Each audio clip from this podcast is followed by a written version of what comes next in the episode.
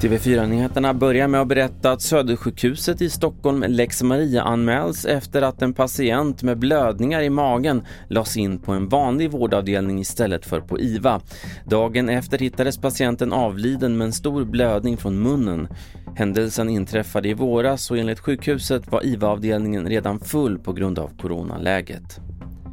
Ukrainas utrikesminister Dmytro Kuleba vill att EU inför sanktioner mot Ryssland redan nu för att visa handlingskraft.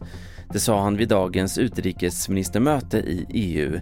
Sveriges utrikesminister Ann Linde säger till TT att hon inte ser några fördelar med att Ryssland i förväg får veta vilka sanktioner som drabbar landet.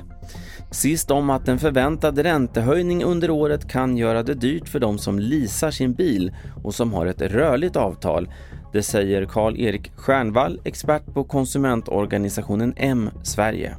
Bilföretagen har ett eh, avtal med en kreditgivare som ofta är deras egna finansbolag och, och sinsemellan har man gjort upp om olika räntor och de, det är de som kan förändras eh, helt utan förvarning i princip. Och ett längre inslag om det här ser du på tv4.se. Mitt namn är Carl-Oskar Alsen.